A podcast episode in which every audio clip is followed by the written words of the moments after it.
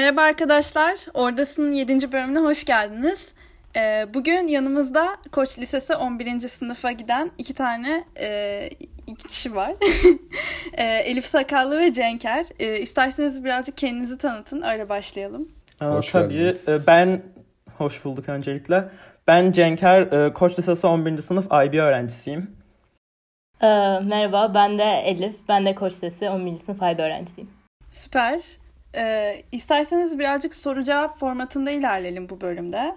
Ee, sizin sorularınız var anladığım kadarıyla. Onları bize sorabilirsiniz sırayla. Biz de Arda'yla yanıtlamaya çalışacağız. Tamamdır. Öncelikle birazcık daha genel sorulardan başlamak istiyoruz biz. Ee, başvurularda bildiğiniz gibi hem akademik hem de başarı hem akademik başarı hem de sosyal aktiviteler çok önem veriliyor. Ama e, özellikle Amerika başvurulanlar için. Ama bazen yaptığımız aktiviteler harcadığımız zaman dolayısıyla ders notlarımızı olumsuz etkileyebiliyor. Sizce böyle bir durumda öncelik akademik başvuru, başarıda mı olmalı yoksa sosyal aktivitelerde mi olmalı ya da bu nasıl dengelenmeli sizce? Elif ben başlayayım istersen. Şimdi şöyle bir durum var. Özellikle dediğin gibi Amerika başvurularında yani nereden bakarsan bak durum birazcık şey oluyor. Üniversiteler ağzıyla kuş yakalayan elemanları istiyor gibi bir durum var. Bu inanılmaz ekstrem profiller olmanız gerekiyor demek değil. Sadece her şeyi yapmanızı istiyor senin de bahsettiğin gibi. Ama hiçbir zaman şey net olarak öne çıkmayacak. Akademik başarımı, sosyal başarımı. Nereye giderseniz gidin veya üniversitelerin panelleri oluyor. E, temsilciler geliyorlar, tanıtıyorlar kendilerini. Onlar da hep aynı şey diyor. Sosyal başarı olmadıktan sonra yani buna başarı dediğime bakmayın işte kulüpler herhangi yaptığınız etkinlikler olmadıktan sonra e, akademik başarınızın bir noktaya kadar değerlendirebiliyorlar. Ve örneğin başvurularda essay gibi bir e, essay gibi bir olay da var ve sosyal anlamda bir birikiminiz yoksa essay başarınız da essaylerinizin kalitesi de e, istediğiniz kadar yüksek olmayacaktır. Yani e, büyük ihtimal soruyu sorarken de tahmin etmişsinizdir böyle net bir cevap vermeyeceğimizi. Ama dediğim gibi okulların istediği öncelikli bir işte akademik düzeye erişmeniz. Evet evet. Bununla beraber de sevdiğiniz işleri devam ettirebilmeniz. Zaten önceki bölümlerde de hep belirttik. Sosyal aktivitelerinizi e, zorla yaptığınızı fark ederse okullar ki fark ediyorlar gerçekten eseylerinizi okurken veya başvurunuzun genelinde e, bir soru işareti canlanır onların da kafasında. Aynen bence de Arda'nın dediği gibi şey çok önemli yani dengeyi kurabilmek akademik ve sosyal hayatta. Ee, çoğu zaman e, böyle akademik anlamda işte ilk bilmem kaçta olma ve ortalaman e, şunun üstünde olsun gibi bir baskı var. Bu bir noktaya kadar doğru. Ee, yani belirli bu biliyorsunuzdur SAT, Subject, AP, işte ortalama e, 85-90 üstünde olsun gibi şeyler var. Ya bu tip e, bence şeylerin üstüne geçtiğiniz sürece sosyal aktivitelere de bence büyük e, yer ayırmalısınız hayatınızda. E, çünkü sonuç olarak bir sürü faktör var. Özellikle Amerika başvurularında okulların baktıkları. Mesela Common App'e e, 10 tane aktivitenizi giriyorsunuz siz e, okul içinde ve dışında yaptığınız. Onun yanında evet GPA'niz de gidiyor, aldığınız test skorlarınız da gidiyor ama işin sonunda tüm faktörlere bakarak bir karar veriyorlar. O yüzden mesela ilk onda olup hiçbir sosyal faaliyette katılım göstermediyseniz e, çok yüksek bir şansınız olmayacağı gibi e, ortalamanızı çok düşük tutup akademik şeylere asılmayıp e, sadece sosyal olarak kendinizi gösterseniz de e, düşük bir şansınız olacağını unutmayın yani. ikisini o yüzden dengelemek gerekiyor ve bence ikisini dengelerken de hep ilgi alanlarınız üstünden yürüyün. Yani sevdiğiniz işi yaptığınızda çünkü ikisinde de birazcık başarılı olduğunuzu görüyorsunuz ve üniversitelerinde hoşuna gidiyor bu.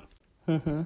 Ya yanlışsam düzeltin lütfen. Ya bizim de şu ana kadar anladığımız şey zaten akademik olarak bir barajı geçtikten sonra aktivitelerinizle kendinizi e, farklılaştırmak ve özel olarak göstermek. Aynen kesinlikle.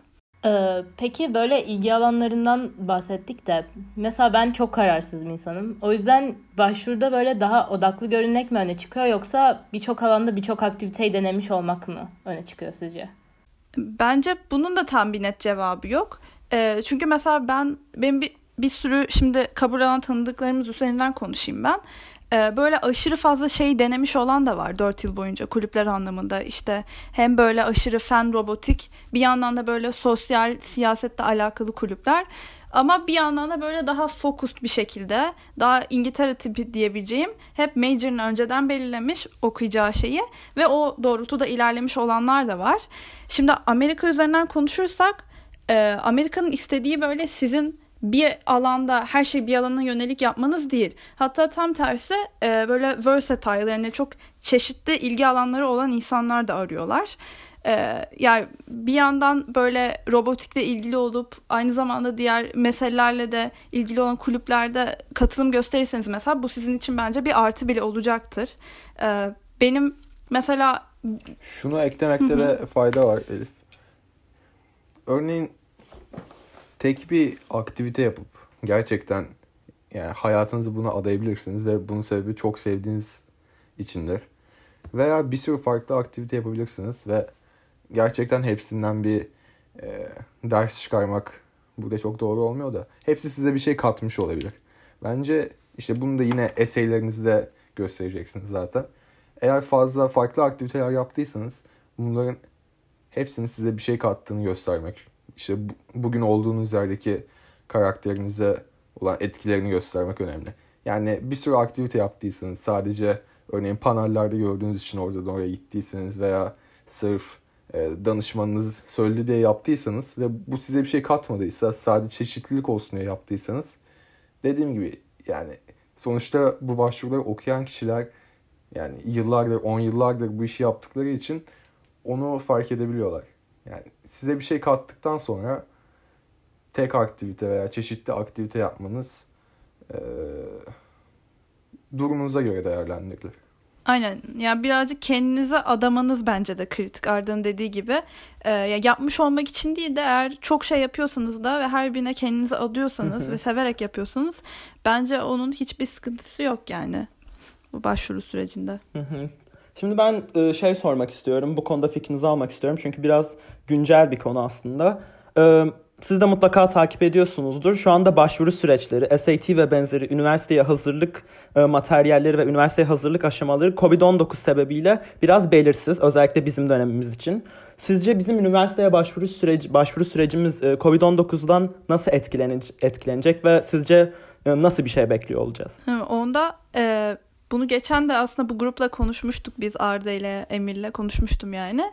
Ee, şimdi şöyle bir şey duyduk biz. SAT ve AP'ler özellikle e, bazı okullar bunlara bakmayacak ya da eskisi kadar değerli olmayacak bunlar. Çünkü çoğu iptal edildi veya e, formatı değişti sınavın. Daha kolay bir format oldu anladığım kadarıyla böyle e, açık uçlu free response tarzı. E, ben de şöyle düşündüm bu konuda. Şimdi başvururken bu bu tip test skorlarının yanında bir yandan eseyler de yolluyorsunuz siz bir sürü. E, ve şimdi eğer bir yani bir kısmı değerini yitirirse eski eskiden olduğu kadar yani böyle değerli ve seçici görülmezse o zaman bence diğer taraf önem kazanır. Onlar da eseyler oluyor ve işte kulüp listeleriniz falan Tamamen aynı. Ee, ya eseylere mesela çok özenmeniz gerekebilir. Çünkü belki de sizi ayrıştıracak olan onlardır. Ya da işte sosyal aktivitelerinizi nasıl açıkladığınız e, ya da öğretmenlerden aldığınız recommendation letter'lar. Bunlar bence biraz daha önem kazanacak ileriki yıllarda. Yani Covid devam ettiği sürece. Hatta şey bölüm bile önem kazanabilir. Common App'te bir tane bölüm var. Bunu e, çoğunluk doldurmuyor. Bu genel eseylerden farklı bir bölüm. E, şu soru şu tarz bir şey. İşte hayatınızda e, sizin için çok önemli bir değişiklik oldu mu lise boyunca? E, başvurunuzu etkileyecek, notlarınızı etkileyecek çok önemli bir değişiklik oldu mu diye bir soru var e, özel durumlar için. Bence bu soru e, Covid-19 hakkında bir soruya bile dönüştürülebilir. Bu sizi nasıl etkiledi? E, derslerinizden öte hayat biçiminizi nasıl etkiledi? Bunun akabinde notlarınıza nasıl yansıdı? Aktivitelerinize nasıl yansıdı? Çünkü bir sürü örneğin sporcular var Mesela yelken yapıyor birisi. Belki de bu tam yarışma sezonu. Ee, birkaç yıldır hazırlandığı bir yarışmaya gidememiş olabilir. Bence o soru öne, e, çok önem kazanacak. Aynen. Mesela bizim de... ya aslında... evet. E, şey diyecektim. Sen, sen soru sor. ben başka bir soruya geçecektim o yüzden. Ben Ama şeyi örneğini verecektim. İstiyorsan geç. Ee, bizim de mesela okulda e, MUN kulübündeki arkadaşlarımız bir yıldır çalışıyordu konferans hazırlamak için. Ama maalesef her şey hazırken konferansın kendisi iptal oldu Covid'den dolayı. Ee, ama ben inanıyorum ki yani onlar eseylerini falan yazarken başvuranlar e, seneye de işte yani pozisyon olup başvuracak olanlar büyük ihtimalle değinirler buna yani bu sebepten dolayı cancel iptal oldu ama biz elimizden geldiğince uğraşmıştık tüm yıl diye. Yani bence de Ardın dediği kesinlikle olabilir bir senaryo ileriki aylarda. Ya aslında bence de eseyler çok daha önem kazanacak işte özellikle sınavların iptal olmasından kaynaklı. Peki yani eseyler kısmında yani esey yazarken neyi tavsiye edersiniz? Mesela yani sizce belli ilgi alanlarımızdan bahsetmek mi daha önemli yoksa işte background'umuzdan bahsetmek mi böyle daha işte öne çıkıyor? Bence eseyler konusunda yani tam soruna e, özel bir cevap değil ama genel bir tavsiye vereyim her şeyden önce. E, şu anda çok farkında değilsiniz ama yazmaya oturunca fark edeceksiniz ki bazen tıkanıyor insan. Ve bunu da şöyle aşabilirsiniz. Belki e, podcast'ı birkaç ay sonra dinleyen insanlar da olabilir. E, genelde bir şeyi düşünmeye, yazmak için oturduğunuzda başlarsanız e, sonuç kötü olacaktır. Bu ne demek? Belki personal statement eseyinizi yaz boyunca düşünebilirsiniz demek. Kendinize e, zaman tanıyın demek. Veya bir şey yazarken spesifik bir okulun eseyinde bir sıkıntı çıktığında oturup böyle bilmem kaç saat kafanızı masaya vurmak yerine çıkın dolaşın, yürüyüş yapın demek. Ya yani bununla nereye geliyorum? Ee, her şeyde olduğu gibi büyük ihtimal lise hayatınızda motivasyon bulduğunuz şeyler yine essay konusunda da e, size ilham verecek şeyler. O yüzden soruna cevap vermem gerekirse genelde sevdiğin şeylerden bu sadece bir aktivite olmak zorunda da değil. Aile yaşamınız olabilir, arkadaşlarınız olabilir. Bu kişilerden ilham alacaksınız. O yüzden essay yazma e, mevzusunda Evet, bu bende de şey olmuştu bence. mesela. Eseylere bakarken e, ben 11. sınıfın yazında böyle aşağı yukarı seçmiştim başvuracağım okulları. Hepsinin eseylerini de böyle bir dokümanda toplamıştım ki soruları göreyim. Böyle e, değişik zamanlarda yani aklıma fikirler geldiğinde bir yere not alayım sonra yazarım diye cevaplarını. E, ve hep şey olmuştum böyle yani kendimi ben kimim işte e, ben ne istiyorum işte neden bunları yaptım işte neden şunda gönüllü oldum hep bu soruları cevaplarını düşünürken buluyordum ve Ardın dediği gibi bol bol arkadaşlarımla konuşuyordum onlardan işte e, işte sen sence ben nasıl biriyim falan gibi e, hani tamamen doğru olacak cevaplar almaya çalışıyordum kağıtta kendimi anlatırken. E, ya o konuda birazcık bence 11. sınıftan özellikle yaptığınız aktiviteleri böyle düşünmek üstüne e, veya böyle yaşadığınız değişik olaylar varsa sizin hayatınızda böyle aa bu beni düşünce tarzımı şöyle değiştirdi ve hayatımı değiştirdi diyebileceğiniz şeyler varsa onları not almak 12. sınıfın ilk aylarında essay yazarken bence çok yardımcı olacak size. Ee, bir de e, personal statement için özellikle personal statement her okula giden bir essay en uzun olanı. Ee, bence böyle aklınıza gelen fikirleri hep not alın. Ee, ben mesela birkaç tane farklı konu üstüne essay yazmıştım. Ve işin sonunda böyle arkadaşlarıma sormuştum sizce hangisi falan diye. Ve aralarında en çok kendimi yansıtanı seçtim böyle. En güzel olanı değil de hani en çok Elif olanı seçmiştim. Öyle olması bence üniversitelerin de hoşuna gidiyor. Çünkü siz bir resim yolluyorsunuz onlara. Yani her şeyle birlikte e, sizin alacağınız e, recommendation letter'lar falan filan da birazcık karakterinizi gösteriyor orada. O eseyin de oraya cuk oturması için e, bence bol bol fikirler üstüne düşünün kulüplerinizi falan da yaparken öyle diyeyim. Küçük bir şey daha eklemek istiyorum. Ee, Elif şimdi işte personal statement'tan bahsetti. Okul eseylerinden bahsetmek gerekirse de e, hep bir şey duyuluyor. Ne essay yazarsanız yazın. İşte aman bir tane profesörün e, ismini bulun ona ekleyin. Bir tane dersin ismini bulun ona ekleyin. İşte bu okulu çok iyi araştırdığınızı gösterir. Ya ben buna pek inanmadım. Tabii ki arada ders isimleri yazdım veya ilgimi çeken e, profesörler olduğunda onlardan da bahsettim ama böyle bir şablona oturtmak bence doğru olmuyor. Çünkü bu aslında e, tamamen göstermiyor okul ne kadar tanıdığınızı. Bence bu işte essay olayları daha başlamadan yazın. E, hiçbir yani amaç gitmeden direkt okulun internet sitesine girip veya YouTube'dan videolarını izleyip bu okulun olayı ne? Neye önem veriyorlar? Nelerde iyiler diye araştırmanızı yaparsanız essay sürecinizi çok kolaylaştıracaktır. Zaten başvuracağımız okulları seçerken de e, o okulları önceden araştırıyor olacağız. Belki bu araştırma Aynen sürecinde dediğin gibi not alırsak ya da e, nelerden bahsedebileceğimize karar verirsek az çok bize essay konusunda da yardımcı olabilir. E, Ben başka bir soruya geçeceğim başvuru dönemiyle ilgili. Spesifik olarak early dönemiyle early decision ve early action arasındaki farktan doğan bir kafa karışıklığına e, kafa karışıklığından bahsetmek istiyorum. Diyelim çok istediğimiz bir early action okulu var ama bir early decision okulunu da çok beğeniyoruz. Ama bildiğiniz gibi early decision başvurduğumuz okula Evet. girmemiz durumunda gitmek zorunda kalıyoruz. Kısaca early action okulumuzu okulumuza gidememeyi göze alarak bu okula early decision başvurmak sizce değer mi? Ya Elif sen soruyu cevaplamadan önce ben küçük bir özet geçeyim. Belki dinleyicilerimizden çok haberdar olmayan olabilir. Ee, ED ve Early Decision ve EA, Early Action'ın şöyle bir farkı var. Cenker'in dediği gibi e, ikisine de Kasım'ın başında başvuruyorsunuz. Çoğu okul için yani.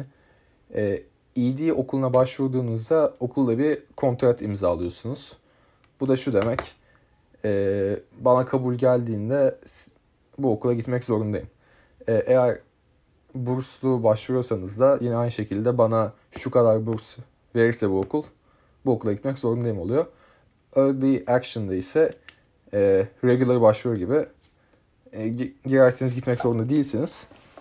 Sadece e, erken bir tarihe çekilmiş Hı hı. oluyor başvurular. Aynen öyle. Ee, ben de şöyle yanıtlayayım soruyu. Ee, eğer yani ED başvuracaksanız şöyle düşünmeniz gerekiyor. Ben bu okula girersem gözüm arkada kalmayacak ve hiç üzülmeyeceğim. Ah bu yandı işte EA okulum yandı veya regular okulum yandı diye hiç üzülmeyeceğim. Ben bu okula kesinlikle gitmek istiyorum diyorsanız başvurmanız gerekiyor.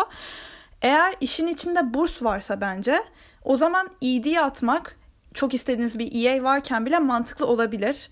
Ee, kesin girebileceğinizi düşündüğünüz bir yere. Çünkü burs işin sonunda e, riskli bir durum ve hiçbir safety okulunuz olmuyor burslu başvurunca. Yani açıkta kalma durumunuz da olabiliyor. Ee, bir de ED atacaksanız EA'yi kesin atın. Çünkü ED olmazsa EA'ye gir, gir- girerseniz ona da gitme şansınız olur yani. ED atıyorum diye başka hiçbir yere başvurmamazlık yapmayın.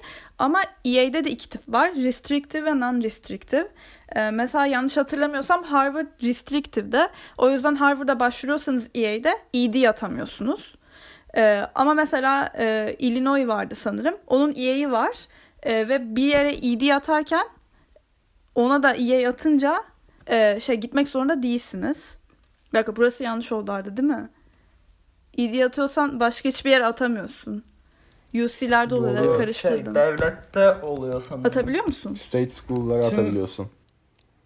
Restrictive ise state school'a atabiliyorsun. Restrictive ise state school'lara atabiliyorsun sadece. Evet, Zaten evet. tüm Ivy'ler restrictive diye biliyorum ben. Bazıları decision bazıları. Yani kısaca o restrictive ve non-restrictive farkına da bakmak gerekiyor EA atarken. Ee, ve yani ED'nizi seçmek çok kritik bence bu süreçte. Ee, ben mesela çok düşünmüştüm bunun üstüne. Ve en sonunda burslu atmama rağmen e, Ivy League'lerden birini attım. Çok riskliydi yani benim için. E, ama girseydim asla hani işte keşke e, bi- bilmem ne A okulu olsaydı diye üzülmezdim yani. Kesinlikle giderdim. O şekilde başvurmuştum. E, ben yani onu da öneririm yani. O da bir yol bence. Hı hı. Ee, Bir de dediğin gibi early'de başka okullara atıyoruz ve early'de olmazsa regular round'una kalıyor. Ee, Siz early'den e, sonra regular'lara hazırlanma sürecinde e, nasıl bir yol izlediniz ya da sizin için zor oldu mu? Çünkü çok çok daha fazla okula başvuruyor oluyorsunuz. Bu stratejiniz oldu mu bu süreci hızlandırmak ya da sizi kolaylaştırmak için? Ya da mesela early'lere hazırlanırken bir yandan da regular'lar için de hazırlanmalı mıyız? Yani yazdan. Arada ben devam edeyim istersen. Ee, ben ben de şöyle olmuştu.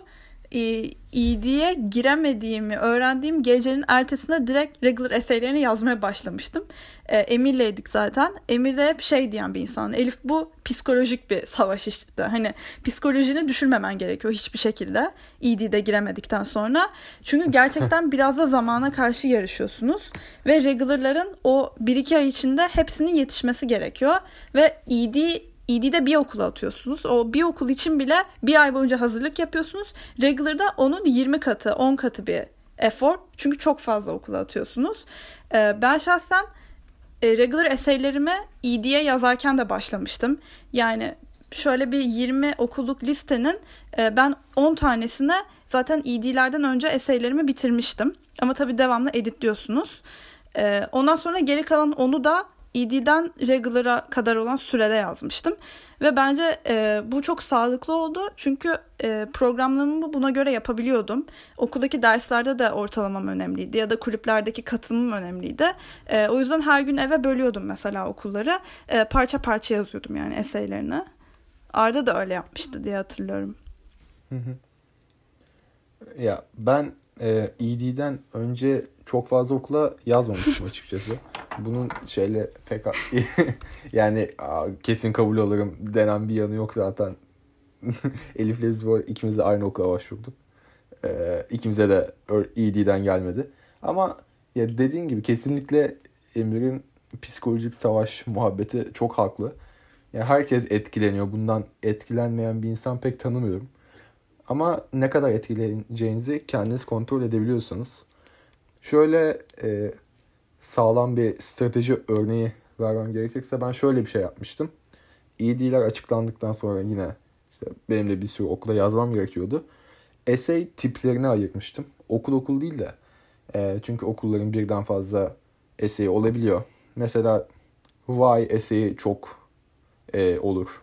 Neden bizim okulu istiyorsun diye çok genel bir şekilde sorabilir okullar. Bunları bir yere ayırdım. E, bazılarını kendimle alakalı eseyler diye ayırdım. Diğerlerini de işte e, major'la alakalı eseyler diye ayırdım. O işimi çok kolaylaştırmıştı. Dar bir zamanda çalışmama rağmen.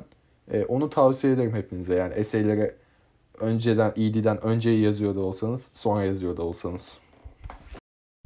De son olarak şöyle bir soru sormak istiyorum. Dediğiniz gibi çok fazla essay yazmamız gerekiyor regular döneminde özellikle ve e, bir noktadan sonra o kadar fazla essay yazamıyor olabiliyoruz sizden duyduğumuz kadarıyla, sizin dönemden duyduğumuz kadarıyla ve bazı arkadaşlarımız bize essaylerini tekrar kullandığını ya da recycle ederek bazı yerlerini değiştirerek aynı başka okullara tekrardan aynı eseyleri attıklarını söylediler. Sizce bu doğru bir strateji mi ya da işte e, eseylerin etkisini ee, azaltır mı? Ben bunu çok sizce? yaptım açıkçası. E, bence çok da yanlış bir strateji değil ama dikkatli olmak gerekiyor. Yani bir okuldaki mesela bir kulübü kulüpten bahsetmiş oluyorsunuz. Atıyorum işte e, şu, şu e, volunteering club'a gireceğim diyorsunuz spesifik. Onu kopyalarken diğer okulda silmeniz gerekiyor tabii ki ve o okula has bir şey bulmanız gerekiyor. E, yani o böyle neden biz gibi sorularda bazen ya da işte neden şunu okumak istiyorsun tipinde sorularda bence copy paste gayet okey. Çünkü sonuçta çoğu okula eğer okumak istediğiniz şey belliyse benzer yanıtlar veriyorsunuz. Ee, birazcık da şey görmek istiyor bence okullar. Siz bize ne katabilirsiniz? Ben bu kısmı mesela her okul için ayrı yazıyordum. Özellikle okulları araştırıyordum ve bu okul neyde kuvvetli işte. Veya hangi e, bölümde eksik? Ben acaba yaptığım bir deneyimi bu okula taşıyabilir miyim? Bu gibi böyle eklemeler yapıyordum eseylere. Ama kesinlikle o kullanma işi oluyor birkaç kere. Çünkü bazı sorular okuldan bağımsız böyle sizinle alakalı. Yaptığın bir kulübü açıkla veya işte e, iki tane ilgi alanını açıkla tarzı. Hani böyle sorular olduğunda ister istemez benzer şeyleri yazıyorsunuz. Onda da bir kere de böyle çok iyi bir esey yazıp onu reuse etmek işinize yarayabilir bence. Elif çok güzel açıkladı bence. Ben e, ben de bir tane anekdot aktarayım size. Hiç unutmadığım bir şey. E, biz 11. sınıftayken galiba 11'in sonlarına doğru e, okulumuza admissions e, admission officer'lar gelmişti. Nereden? UPenn, Yale ve Columbia'nın e, temsilcileri gelmişti. Ve şey sormuştuk işte bizden soru alıyorlardı. Bir arkadaşımız şey sordu. E, bu başvurulara bakarken red flag yani başvuruyu çok net bir şekilde olumsuz tarafı itecek şeyler neler diye sormuştu. Öyle çok kesin cevaplar olmuyor tabii ki şu aktiviteyi yapan veya şunu yapan gibi cevaplar olmuyor. Ama Columbia'nın admissions officer'ı şey demişti orada. E, eğer ben bir essay'e bakıyorsam ve Columbia hakkında bir essay ise oradaki Columbia'ları NYU ile değiştiriyorsam ve bu essay hala e, mantıklı geliyorsa bu öğrenci o essay'e zaman harcamamış demektir. E, Columbia'ya yeterince tanımamış demektir demişti. Ben de tüm essay'leri yazarken tabii ki recycle ettim. Ama hep bunu aklımın bir köşesinde bulundurdum. E, iyi bir e, hikaye olduğunu düşünüyorum. İnsanlara da anlatıyorum. Özellikle Columbia'nın admissions officer'ından gelince de insanlar önemini anlıyor diye düşünüyorum. Aynen bence de yani en kritik nokta burada e, okullara özgü bir şey bulmak. Hani orada olup da diğerinde olmayan bir şey bulup e, ona kesinlikle eseylerde değinmek. O sayede eseyinizi daha farklı kılabilirsiniz. Hani sıradan bir esey olmaz her okula giden. E, bugün çok teşekkür ederiz Elif'e ve Cenk'ere evet, çok bize sağ olun sorularını sordukları için. için. E, o zaman 8. bölümde görüşmek ederiz. üzere. Teşekkür ederiz. Hoşçakalın.